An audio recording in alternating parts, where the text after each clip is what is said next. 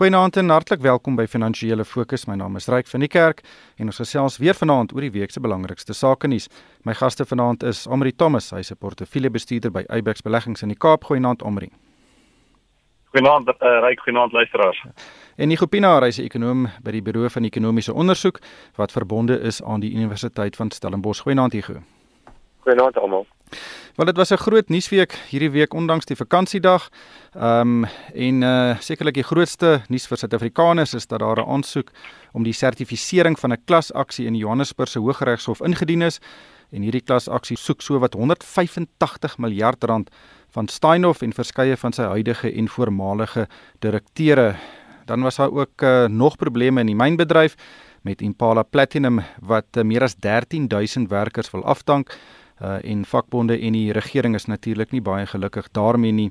Ehm um, maar uh omrie kom ons begin by Steinhoff. Ehm um, uh daar word nou 'n aansoek gebring om 'n klasaksie te sertifiseer en hierdie groepe soek 185 miljard rand van uh, meer as 30 respondente en dit sluit onder meer huidige en voormalige direkteure in soos Christo Wiese, Marcus Jooste, die voormalige finansiële direkteur Ben Legrandsie en ook die huidige uitvoerende direkteur Dani van der Merwe. En dit sal by verre die grootste klasaksie ooit in Suid-Afrika wees. Die silikose saak in die mynbedryf wat onlangs geskik is, het byvoorbeeld net 1,4 miljard rand beloop.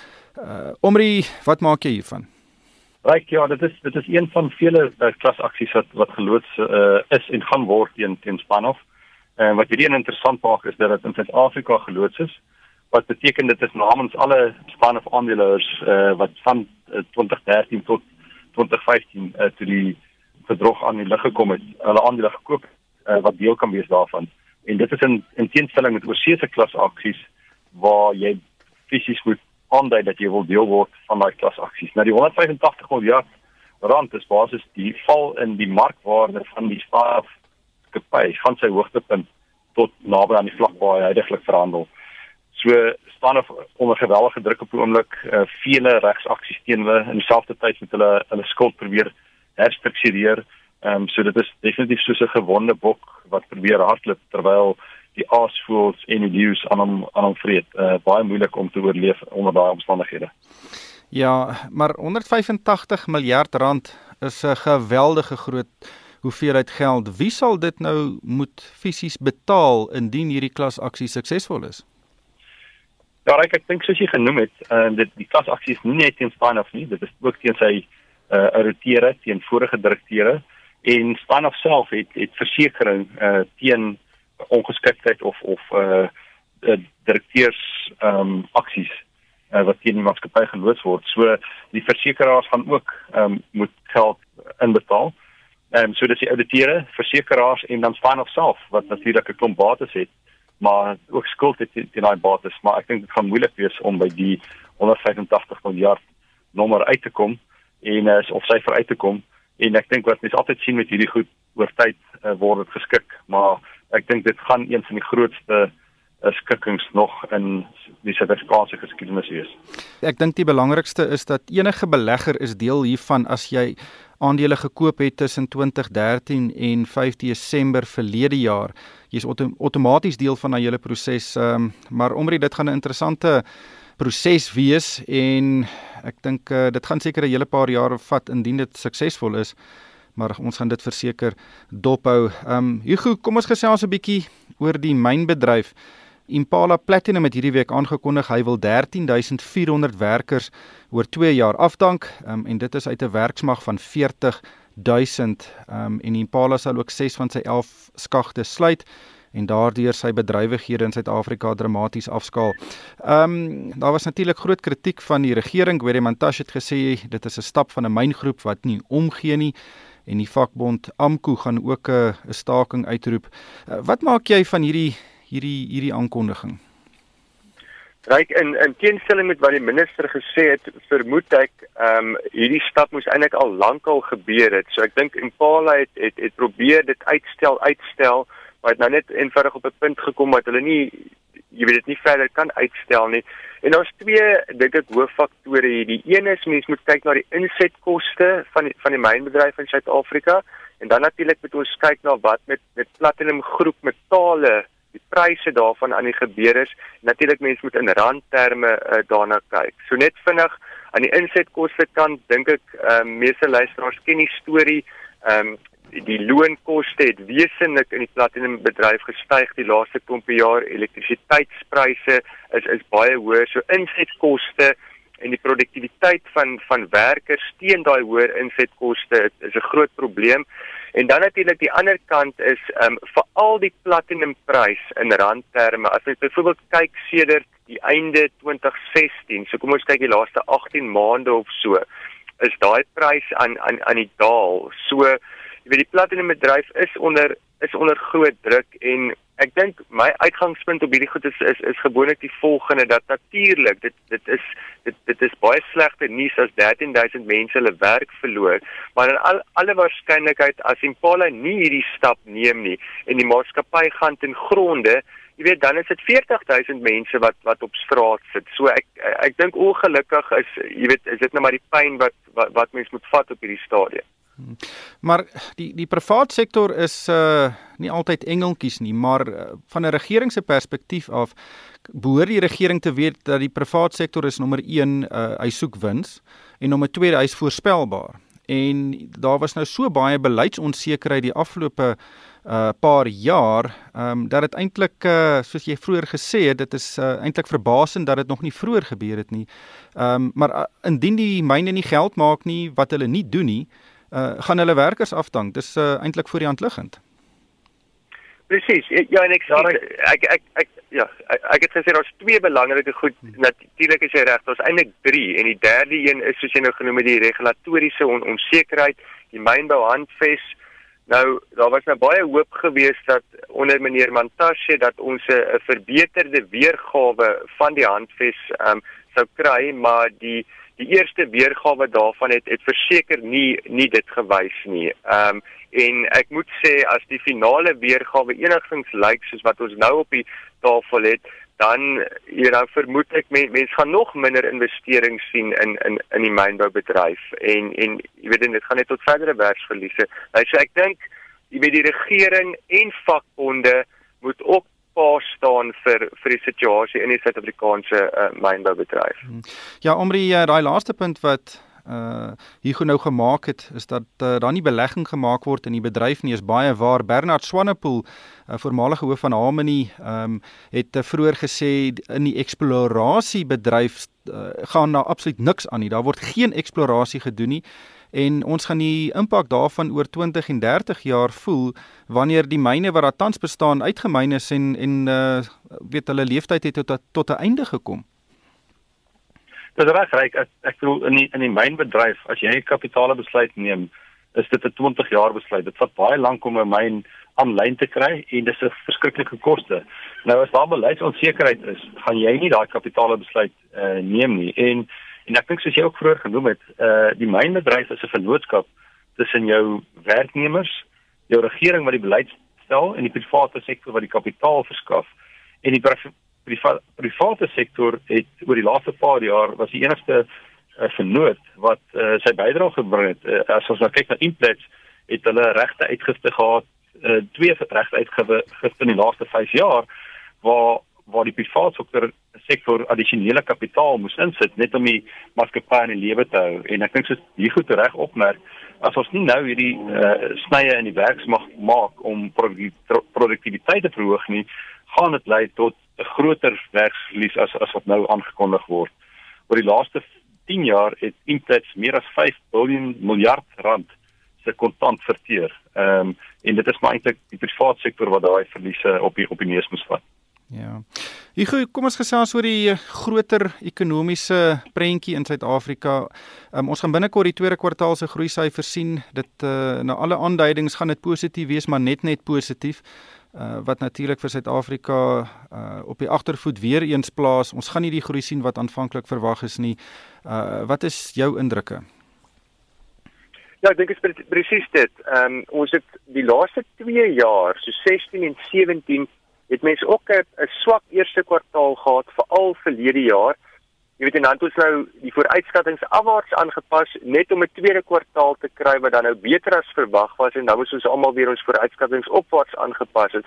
Maar soos jy sê, dit lyk nie of of dit hierdie jaar die, die geval gaan wees nie. Jy weet dit lyk regtig asof ons net net in positiewe terrein in in die tweede kwartaal gaan wees. So dit beteken dat jou eerste helfte van 2018 ehm um, jy weet baie bedeeste groei op 'n jaar op jaar basis gaan wys.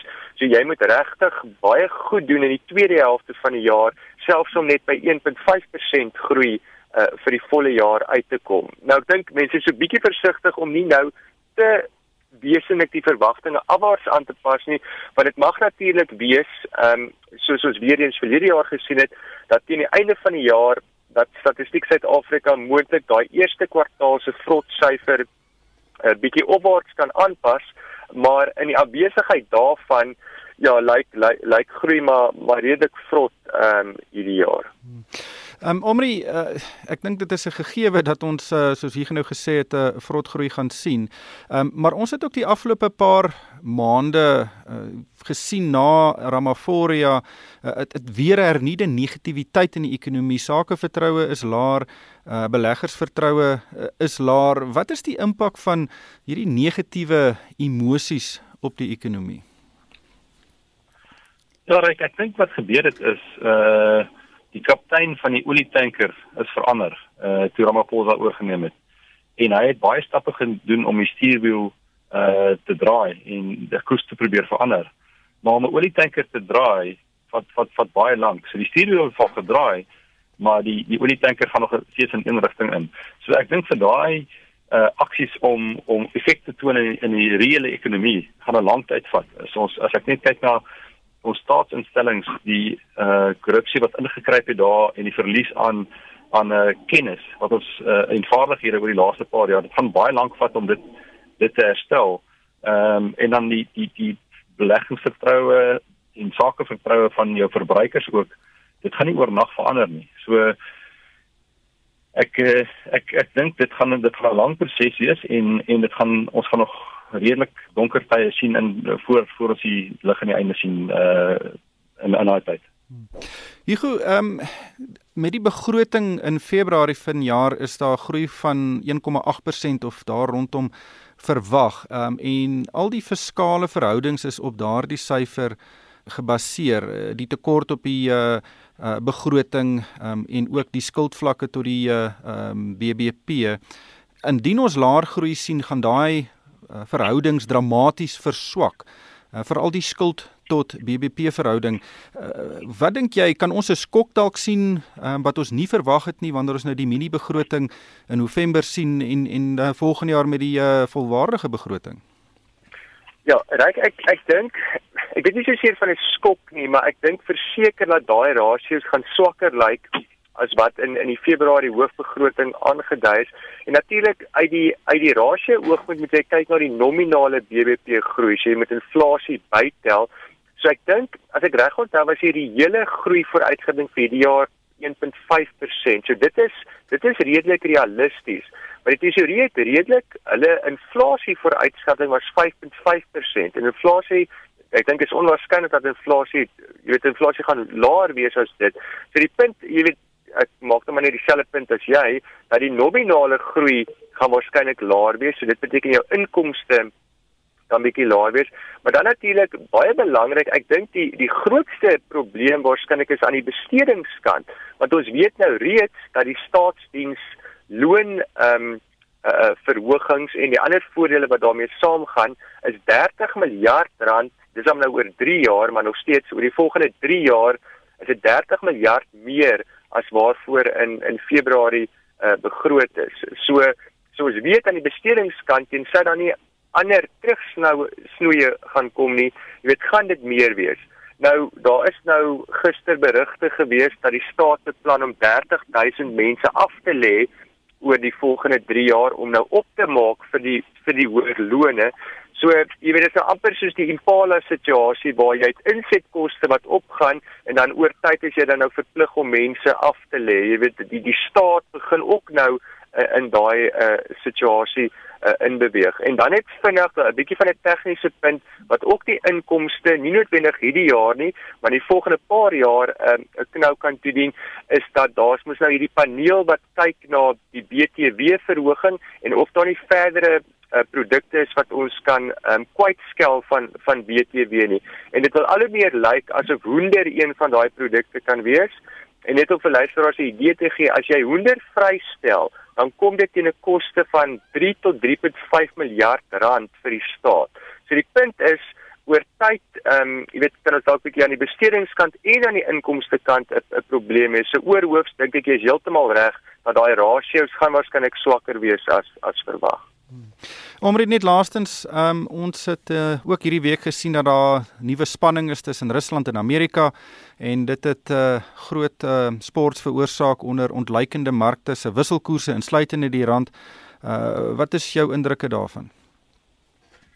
Ja, reg, ons is as as die wêreld verkoue kry, kry ons altyd griep want uh, die rand is een van die mees likwiede uh, ontleikende mark uh, geldeenhede en uh, baie keer gebruik uh, oorseese beleggers die rand maar as 'n as 'n proxy ehm um, vir wat in ander ontleikende markte gebeur. So alhoewel die spanning tussen Amerika en Rusland is, uh lê Suid-Afrika en ander ontleikende markte soos Turkye, Argentinië, Brasilië se geld in ook ook daaronder. Ehm um, so ek ek dink nie dat dit iets fundamenteel met Suid-Afrika te doen nie, maar meer met rondom sentiment uh teenoor ontleikende markte. En weer eens ehm um, ek net soos ons nou oor 'n paar gepraat het, markte hou nie van onsekerheid nie en die huidige uh, geopolitiese risiko uh, wat deur president Trump aangewakker word ehm um, skep baie onsekerheid uh, by, by beleggers en uh, daar's ongelukkig ehm um, ongevalle in die, in die, op op die pad uh, langs van waarvan Suid-Afrika een is Ja, die die swak wisselkoers natuurlik ehm um, het ook uh, verrykende gevolge vir ons ekonomie. Hier gou net laastens uh, vinnig, wat is jou indrukke en uh hoe dink jy gaan hierdie uitspeel? Ja, ek dink dit daar is baie risiko's vir die rand. Ehm um, ryk dit dit was eintlik verbasend dat die laaste paar weke die rand nie wesentlik verswak op ehm um, jy weet die probleme in Turkye, jy het nou Rusland en dan die handelsoorlog en dan ons net oor Suid-Afrika se fiskale posisie gesels. So ek dink ons vermoede is dat dat jy weet dit gaan baie beselvallig wees maar oor hoofs oor 'n 12 maande periode of so dink ons die die rand gaan waarskynlik maar ehm um, jy weet op hierdie swakker vlakke uh, bly verhandel. Hmm.